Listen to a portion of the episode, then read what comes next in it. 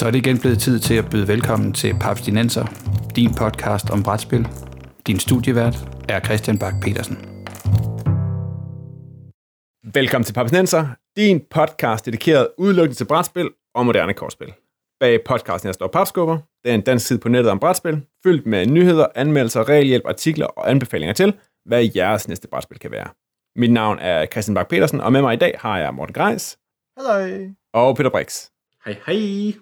Vi har tidligere snakket om, hvor mega mange brætspil, der udkommer hver eneste år. Jeg kan huske, hvad det, Morten, hvad det tallet var? Nye titler. Et par hundrede, et par hundrede om måneden. Det er lidt det er derhen af, vi er, ikke? Altså, det er sådan et sted mellem 3 og 5.000 på årsbasis, øh, på verdensplan på årsbasis, ikke? Så det er sådan, at det er mange hver måned for tiden. Alt for mange i virkeligheden. Ja. Så en del af disse spil, der vil der være nogen, der nogle gode titler, som øh, går under radaren eller drukner i, øh, i simpelthen i, øh, i tsunamien af brætspil, der vælter ind på månedbasis, og som godt kunne fortjene lidt mere opmærksomhed og hype. Det har vi gjort tidligere, men det er tre år siden i Papsnenser episode nummer 7, så vi kan vist roligt tage en runde mere af oversete perler. Men inden vi begynder øh, den her øh, opsamling, så skal jeg lige høre brætspilscaféer, ikke? De skyder op rundt om i landet, og flere af dem virker til at være seriøst godt funderet i deres lokalområder. Hvor god er I til at komme afsted øh, og kombinere øh, det der pap og det der latte? Peter? Jeg er pisse dårlig til det. Sådan til hverdag. Bastard Café ligger 20 minutter fra, hvor, hvor, hvor jeg ligesom øh, hænger min hat, når jeg kommer hjem fra arbejde, skulle jeg til at sige. Og jeg er der måske to gange om året. Ja, jeg synes, at jeg har et problem med mængden af larm, der er, så ikke jeg kan få lov til at nyde min brætspil og min latte. Det er i virkeligheden det, der er mit problem. Og Bastard Café er blevet meget bedre, end det har været, men øh, det er stadigvæk ikke der, hvor at jeg hellere vil tage på Bastard Café, end jeg vil sidde herhjemme og spille et af mine øh, cirka 70 spil, som jeg alligevel ikke har fået spillet.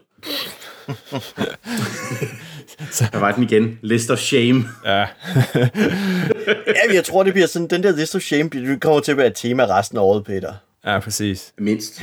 Men til gengæld, hvis, når jeg kommer i en ny by, så, så skal, vil jeg jo meget gerne ind og forbi set, og, altså ind forbi at se deres brætspilscafé. Om det er et smut forbi den oppe i Aarhus, eller om jeg er i øh, Frankrig og skal ind på en café dernede, så gør jeg jo meget gerne det. Så det er jo ikke, fordi jeg ikke kan lide det. Det er bare, øh, ja, jeg får det bare ikke gjort til hverdag.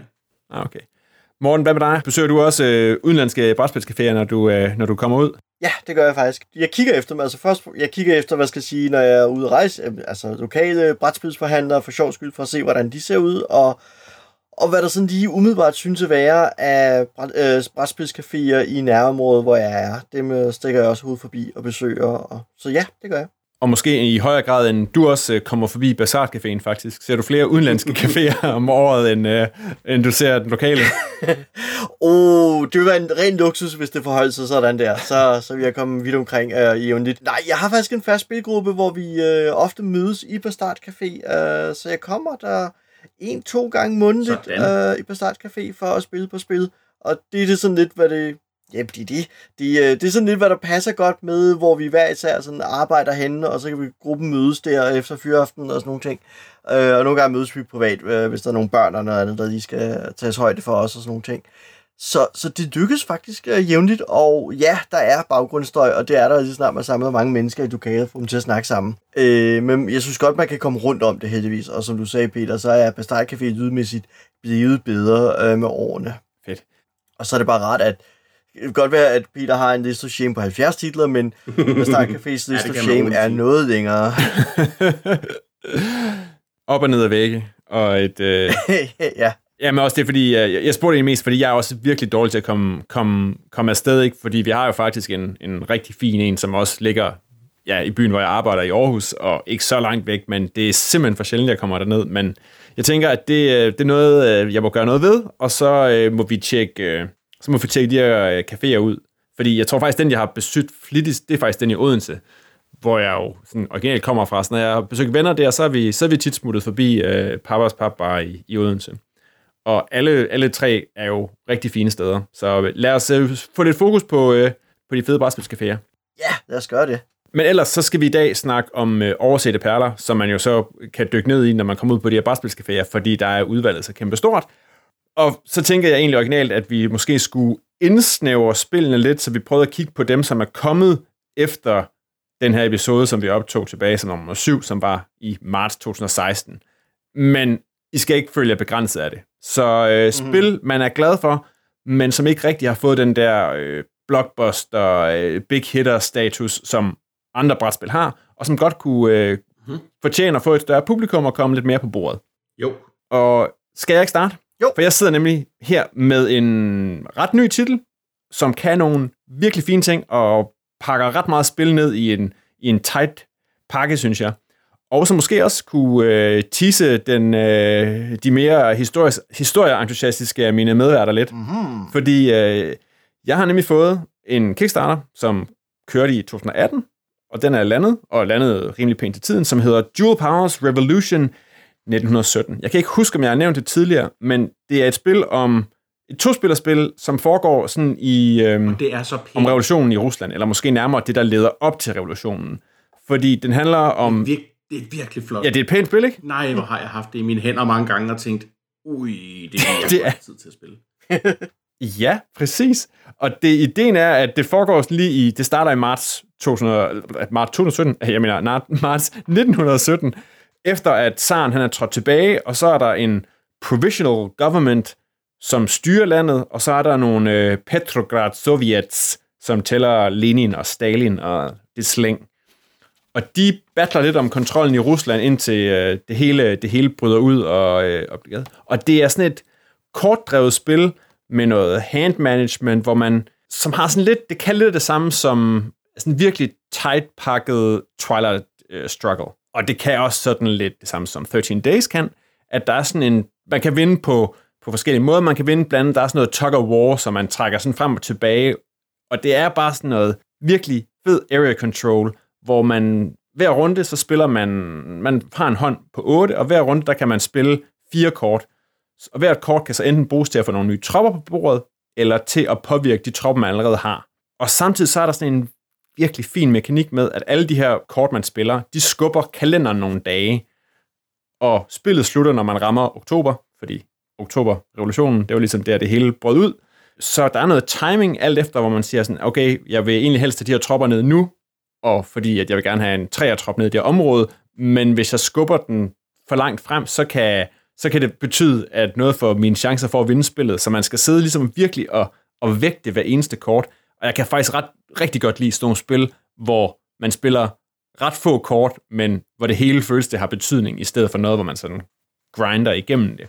Samtidig så er der også så er der sådan nogle, så er der det der historiske ting, så der er jo blandt andet sådan noget med, at man har de her tre ledere, hvoraf blandt andet Lenin og Stalin er på, og dem har man også som kort, og de skubber tingene virkelig fremad. Men så ligger der også sådan en historisk vinkel i, at der ligger også en Trotsky-brik, og han dukker først op som neutral, hvor han ligesom styrer de neutrale brikker, og så på et eller andet tidspunkt, så hopper han over og joiner de røde side.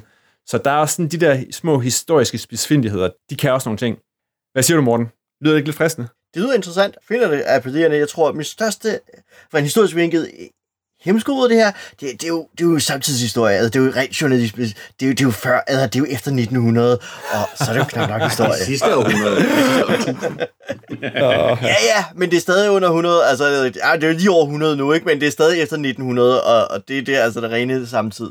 Så, så det, er- altså, det, er jo, det er jo journalisme, det er jo ikke historie. Så. ja. Men hvis, hvis vi nu tog og lagde det tema ned over noget, der var sådan lidt ældre, så, så vil jeg jo absolut synes, at det er stærkt appellerende. Så, så umiddelbart, så, så er det helt klart noget, jeg Ja, også, og vil være meget fristet til at prøve. det, er også det, altså, det har en helt den her, altså det kan spilles på, jeg har spillet det et par gange allerede, og det kan spilles på ja, 45 minutter til en time, og altså, det, det føles virkelig som, man får meget spil virkelig klemt inde på det her, og så er det jo altså bare, altså også uden, også når du dykker ind i det, altså når du kommer ind i æsken, æsken så er, det bare lækkert. Det har den her sådan lidt klassiske øh, østeuropæiske kommunistiske øh, tegnestil, og brikkerne er lækre, det er sådan noget tykt pap, og kortene har den, er, sådan, er, er, er lækre.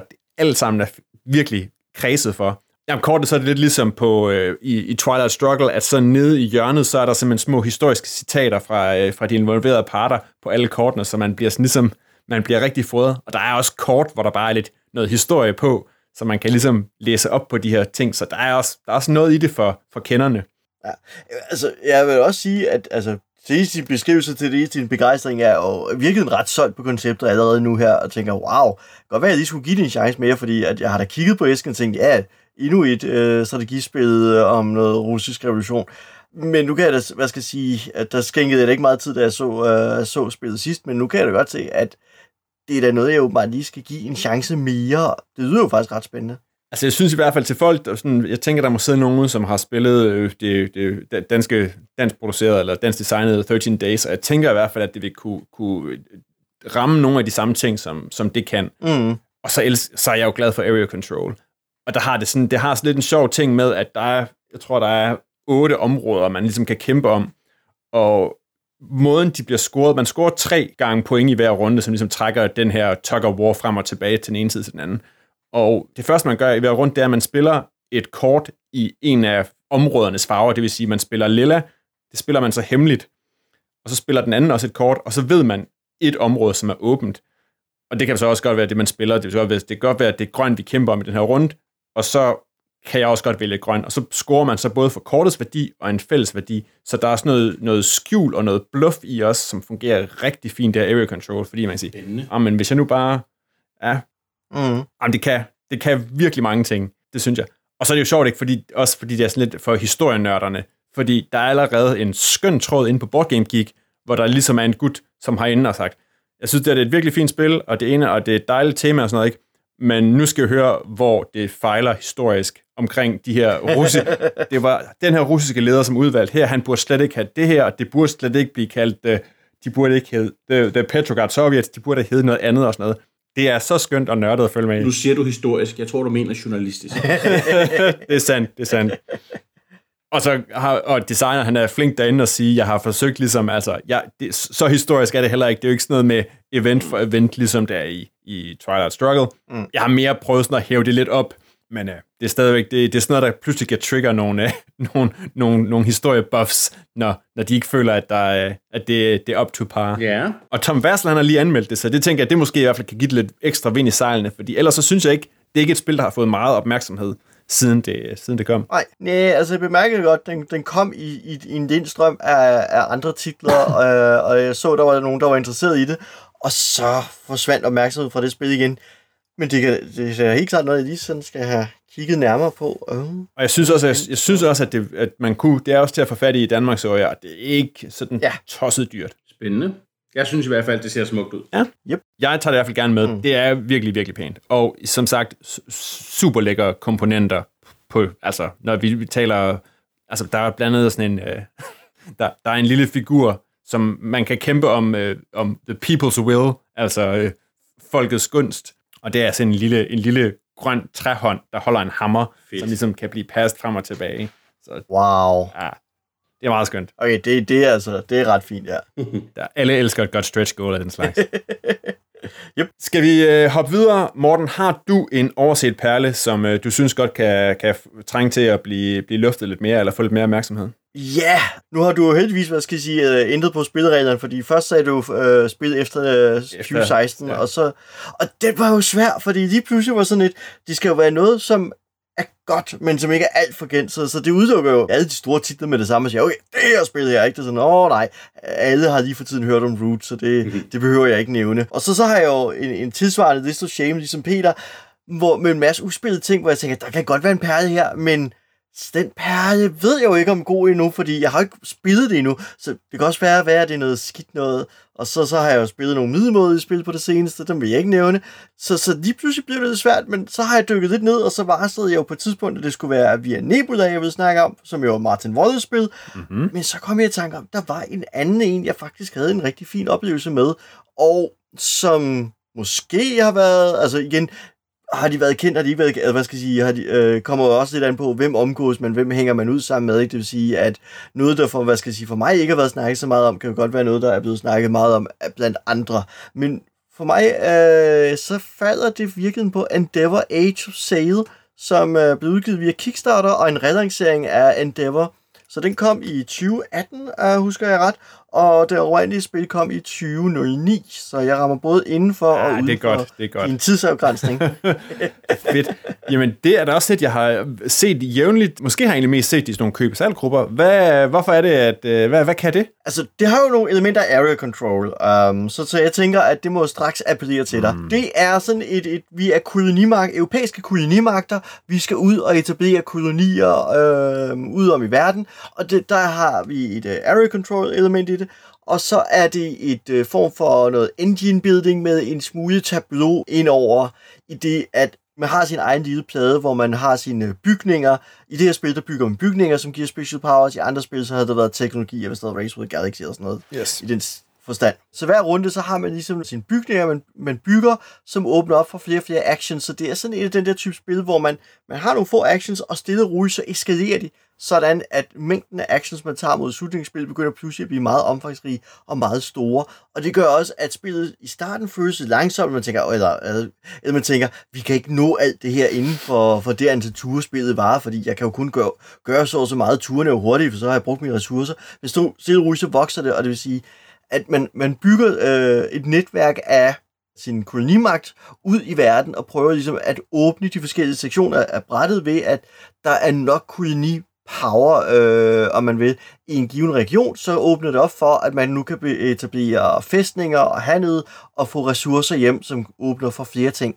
Så det er sådan et, et det minder lidt om 4X-genren med, at man opbygger en, en form for imperie, men, man bekri- øh, men der er sådan lidt, hvad skal jeg sige, der er mindre udforskning i det, men der er meget den der med at komme ud, kontrollere nogle forskellige områder brættet, øh, opbygge sin eget lille center, og så bekrige de andre spillere en smule, fordi man kan godt angribe hinanden en smule, øh, men det er mere små, sådan, jeg skal lige bruge den her fæstning, for så kan jeg opbygge et sejt netværk herover, så det tager jeg fra dig. Men der er ikke så meget øh, krigsførsel i det igen. Så det er sådan, ja, meget overordnet set. Det er sådan, grund til, det er lidt svært at forklare et eller andet sted, er, at det er en af de der sådan store strategispil med mange bevægelige dele, øhm, så man, man bygger sin samfund op med bygninger, man, øh, man har en progression på fire forskellige typer af ressourcer, og jo længere frem de kommer, desto større og kraftigere actions kan man tage, og det åbner blandt andet op for, at man kan få nogle særlige ressourcekort, og som giver specialbonusser, og når man så kommer ud og etablerer sin fæstning og sine handelsruter, så giver det nogle ressourcebrækker, der giver nogle ekstra træk, de er sådan nogle one-shot powers. Til gengæld, når man så etablerer, hvis man er den, der har åbnet, eller bidraget mest til at åbne en region og brættet, en, en, et område man kan, af verden, man kan kolonisere, jamen, så får man det særlige guvernørkort, som giver nogle særlige bonusser, og det gør også, at man, går, man kan gå flere forskellige retninger for at vinde spillet, og man fokuserer på at opbygge sit by derhjemme, øh, eller man prøver at bygge et netværk ude, eller hvor man nu ligger sit fokus. Øh, så der, når vi har spillet det, så har vi gået nogle ret forskellige veje faktisk i spillet, og så har jeg været glad for, at det gik ret stærkt, når det kom til stykket. Okay. Ja, for det er jo netop, det lyder som lidt en ompakkende størrelse, ikke? Men, men det, det kan godt spille, ja. spilles på et par timer, ikke? Jo, det er nemlig det. Altså, vi holder det inden for den der halvanden time, sådan godt og vel halvanden time passer egentlig meget godt, øh, og det overrasker mig lidt, fordi spillet er så stort, at de kan holde sig inden for det. Øh, men det har den der sådan eskalerende turstruktur, som gør, at man pludselig tager større og større actions. Men det kommer sådan gradvist, så man vinder sig til det, kan man sige. Ja. Så det er også nemmere at lære sig ind i, så at sige, og så se det vokse, mens man sidder og spiller. Ja, og det synes jeg generelt er, sådan en, er, er noget, som, som mange nyere, nyere spil faktisk er blevet, blevet gode til, netop det der med, at, at man, man, man spiller, spiller sig varm på det, så man ikke sidder og, og drukner i udfordringer til at starte med. Ja, lige netop. Har du haft fat i det, Peter? Ja, jeg har spillet det en enkelt gang tilbage i 2010-11 stykker deromkring. Altså det oprindelige. Så det må være first edition. Det må være first edition, ja. Jeg husker det som værende helt fantastisk, den første udgave. Og jeg, har, jeg var meget på jagt efter at købe det dengang, men var fattig, fattig ung studerende, så fik aldrig gjort noget ved det. Men jeg husker det som rigtig godt. Det lyder som, øh, det er endnu en, endnu en ting, vi, vi øh, burde finde en data, fordi det lyder som, det rammer alle de rigtige øh, euro-knapper for mig. Ja. Fedt. Peter, kan du klare en uh, hidden gem, en, uh, en overset uh, diamant i uh, gemt blandt uh, hy- på, hjemme på hylderne? Sleben diamant. En uslæben diamant. Ja, det kan jeg godt. Fedt. Jeg har taget... Øh, det er et rigtig dårligt podcast, det her. Jeg har taget Dice Forge ud af hylden. Hvor der måske endda er noget diamant på forsiden. Ja. Ja, der er i hvert fald en lilla, lilla krystal. Ametyst måske Ja. mere. ja det er Ja, ja, se mig, se mig. Uh, så øh, går ge- geologen i gang. Øh, Peter, hvad er det, Diceford kan? Fordi det er... Jeg har, jeg har måske aldrig kommet meget videre end æsken og de der øh, lidt øh, lyserøde, lysblå pastelfarver. Jamen altså, Dice Forge er øh, et spil, hvor plottet er totalt ligegyldigt. Det er noget med, at nogle guder har lavet en konkurrence for nogle helte om, hvem der kan blive demigud. Lige meget det. Det, det, det. det har ingen indflydelse på, hvad du spiller overhovedet andet, end at tegningerne er sådan svagt græsk inspireret mytologiske. Okay. Så øh, det, det fejrer vi ligesom til siden, og så kan jeg fortælle dig, at det er det, vi kalder for en dice builder. Det vil sige, det er lidt ligesom et deckbuilding-spil, men med terninger. Og så øh, tror jeg før, jeg har, jeg har øh, snakket om Quarriors, som er et Ja, helt sikkert. deckbuilding-spil med terninger, hvor, hvor du ligesom bygger dig en pulje af terninger i løbet af spillet. Det gør du ikke i Dice Forge. I Dice Forge, der har du de to samme terninger hele spillet, Ja, okay. men du bytter nye sider på dem. Åh, det er rigtigt. Det er der, man kan... Der er sådan nogle afrundede... Det er afrundede spil. ja, præcis. Afrundede hjørneterninger. Ja. Yep. Så der er sådan et... Øh, jeg siger ikke, at da jeg har set en prototype af det for flere år siden, at det var lavet med Lego-terninger, men det kunne godt være, at det var det. det er simpelthen... Så, så, så hver, hver tur ruller du ligesom dine terninger, så får du nogle ting ud af dem. Det kan være øh, guld. Det bruger du til at købe nye terningssider med, som kan give dig, du ved, mere guld, eller det kan give dig sejrspoint, eller det kan give dig øh, alle mulige sjove effekter. Eller også så kan du få to forskellige former for ædelsten, som du bruger til at købe victory point kort med. Det er nemlig sådan, så inde i midten af bordet, der ligger der, en, der, øh, øh, der, ligger, der ligger 2, 4, 6, 15 kort fremme, som alle sammen giver dig nogle victory point, men så også kan give dig nogle special powers, som der ligesom enten virker en gang eller øh, hele spillet. Så det kan for eksempel være, at du kan bygge mere på dit playerboard, så du har adgang til at holde på flere ressourcer, eller det kan være, at de giver dig lov til at, at få en, en special side til din terning, du kun kan få, hvis du har købt dem for de her blå eller røde ressourcer. Eller det kan aktivere sådan et, et helt lille minispil, hvor at i stedet for at bruge dit guld på at købe nye sider til din terning, og så kan du bruge dit guld på at, at rykke op af et track, og så øh, få, nogle, få en masse victory points ud af det. Og jeg synes, det er et rigtig fint lille spil, og jeg synes, der er alt for få folk, som der, øh, der snakker om det. Det tager sådan, altså hvad, tre, en halv time, tre kvarter at spille igennem sådan et spil. Og det har sådan en genistreg, hvor at du bruger æsken til at have alle, have alle de her terninges sider op i. Ah. Og så sætter, når du er færdig, sætter du lille sleeve henover, og så kan du rent faktisk transportere dit spil. Det er derfor, jeg tør sidde og ryste. Øh, så du kan, du kan rent faktisk transportere dit spil, uden at ting falder ud, fordi at de er holdt super godt fast. Det er en added bonus lige der. Ah, det er meget snedigt. Morten, du har også haft fat i Dice Wars på et tidspunkt, har du ikke? Ja, det, det har jeg, og jeg synes ikke, vi skal snakke mere om det. det. De fortjener at forblive, øh, hvor det er. Ja, Nej, altså, jeg, jeg vil tro, jeg, altså, hvad skal jeg sige, vi havde, øh, altså, jeg spillede det, og, og det, det var sådan, det var da, øhm, det var da hyggeligt. Øhm, nej, jeg, øh, jeg tror bare ikke, vi fik den der, øh, for min spilgruppe, vi havde bare ikke den der store fængende, åh, oh, hvad, det er spændende, det er sjovt. Det var sådan, øh, vi sad sådan, øh, så ruller jeg, jeg gør lidt her, jeg gør lidt der. Og vi havde sådan spillere, som bare rullede skævt, ja. og som simpelthen ikke kunne komme ud over rampen i spillet, fordi at godt være, at man kan forbedre sine terninger, men hvis man ruller de forkerte kombinationer hele tiden, um, så kommer man ingen steder. Det, det er på det punkt stadig bundet noget held, og der, og der er, hvad skal jeg sige, man kan jo så sige, jamen, men, men det terningsspil, er der ikke terningkast nok til at udligne det? Nej, det er der ikke, og det er der i de færreste terningsspil, nemlig, fordi der skal virkelig rigtig, rigtig mange terningkast til for at udligne, det, for man får et reelt snit ud af sine terninger. Og Dice Forge er det de spil, hvor man sagtens kan rulle tilpas skævt til, at man aldrig kommer med ind i spillet. Uh, og det tror jeg nok også, at det var det, der har farvet min oplevelse ved det, var, at vi havde en spiller, som bare ikke kunne være med, fordi vedkommende bare rullede virkelig, virkelig elendigt konstant. Ah, Ja, sjovt. Det, altså det, det, har jeg, det har jeg aldrig selv oplevet. Jeg vil ikke sige, at det ikke kan ske, men, mm. for det har det jo. Men jeg har ikke selv oplevet det. Jeg synes, det bliver, det bliver opvejet af, at du, du ruller, altså hvis du ruller også terninger, når, når det ikke er din tur til ligesom at købe ting, så du får bygget dig en pulje af ressourcer, Mm. Inden det bliver din tur igen. Så det vil sige, hvis vi er fire spillere rundt om bordet, så ruller jeg terninger i, i alle fire spillers tur, men det er kun, når det er mig, der har turen, og jeg må bruge alle mine ting. Mm. Så det, det, i, I min erfaring har det ligesom opvejet, at man kan rulle B. Men, øhm, Ja. men altså, altså, smag og behag. Jeg er, ikke, jeg er ikke sur over, at Morten ikke kan lide et af mine yndlingsspil overhovedet, eller bitter, eller noget. Det ligger ikke til mig. Ja, siger du nu? Det er bare vent til at komme disse udvidelsen også. Og Ja, den så, har jeg ikke prøvet. Den Er, står, er der en udvidelse også? der er en udvidelse. Ja, den kom her for nylig. Så det er faktisk et spil, der stadig er noget liv i os. til synligheden. Du er, du er, ikke, helt, du er ikke helt alene, Peter. Nej, altså, det, det, nej, altså, jeg hører aldrig nogen snakke om det, så øh, andet, andet end de folk, jeg har spillet det med. Til gengæld, jeg havde det med på, på, på den famøse sommerhustur sidste år, hvor jeg tror, at altså, det blev spillet flere gange om dagen af nærmest alle, der var der. Så det var, der var det et hit.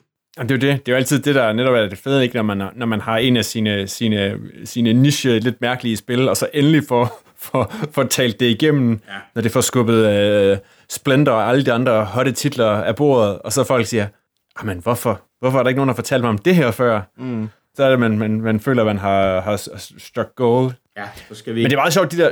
Go, Christian. Hvad siger du, Peter?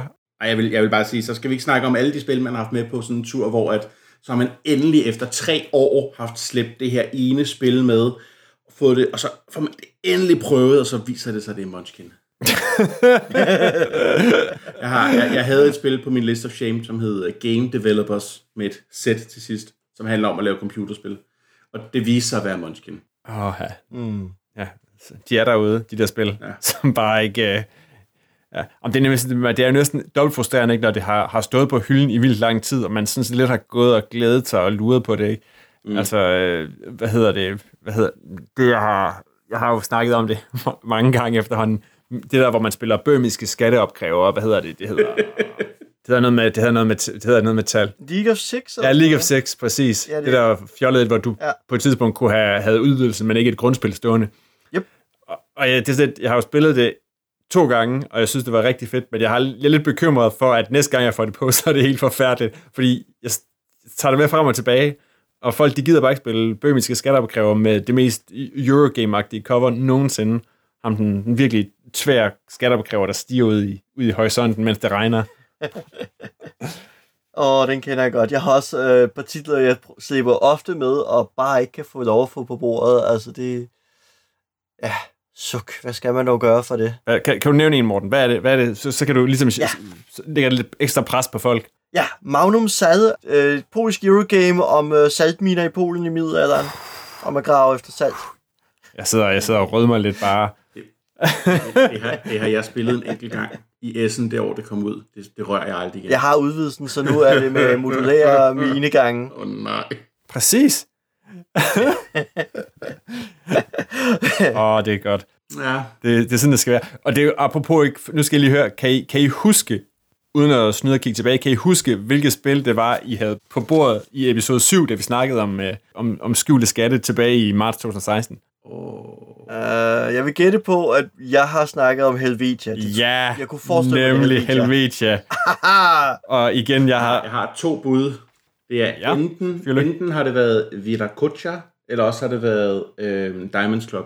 Det var nemlig Diamond Club. Og jeg er ret sikker på, at du har fået snakket Villa Guccia anything. I mellemtiden. Og Morten, jeg vil sige, lige siden, der har jeg, øh, der har jeg drømt om at spille de der svejtiske landsbyer. mm. Og jeg ved ikke, har du spillet det siden? Nej, det er jo det værste af det hele. Jeg har jo ikke fået det spillet, siden vi snakkede om det. Åh, der. ja. Nå, jeg vil sige, jeg, Damn. på min, dengang, der hypede jeg øh, øh, Dogs of War, og jeg vil sige, alene i den opmærksomhed, som Dogs of War har fået i den her podcast, så, øh, Ja. så, synes, så, så fornemmer jeg, at, øh, at der, det bør der være solgt mindst et, et par spil derude, og i hvert fald har jeg påtvunget flere folk det. Det er stadig vildt godt.